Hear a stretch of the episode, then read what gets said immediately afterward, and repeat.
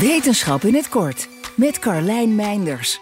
In 2020, terwijl de wereld kennis maakte met het leven in lockdowns, werd een groot wetenschapscongres in India afgezegd.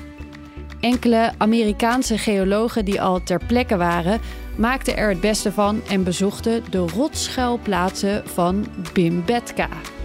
Ze vonden er iets bijzonders: een Dickinsonia-fossiel. Een plat, langwerpig, primitief dier dat 550 miljoen jaar geleden leefde, nog voor er complexe dieren bestonden. Het was voor het eerst dat zo'n exemplaar in India werd ontdekt en het was groot nieuws. Nu blijkt het alleen een foutje te zijn geweest.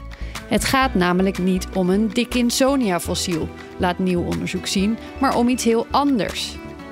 Toen wetenschappers van de Universiteit van Florida vorig jaar afreisden naar India om het object te bekijken, was het een beetje afgebrokkeld. Best gek voor een fossiel.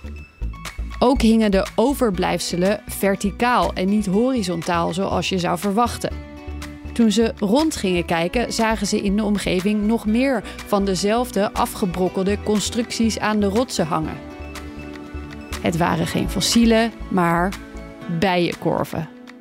Inmiddels is er ook een reactie van de onderzoekers die de ontdekking in eerste instantie deden. Ze erkennen de fout en sluiten zich aan bij de nieuwe verklaring.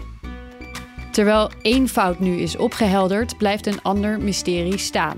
De originele vondst hielp namelijk bij het dateren van het gesteente. Nu zijn ze wat dat betreft weer terug bij af. Vermoedelijk zijn de rotsen wel een miljard jaar oud.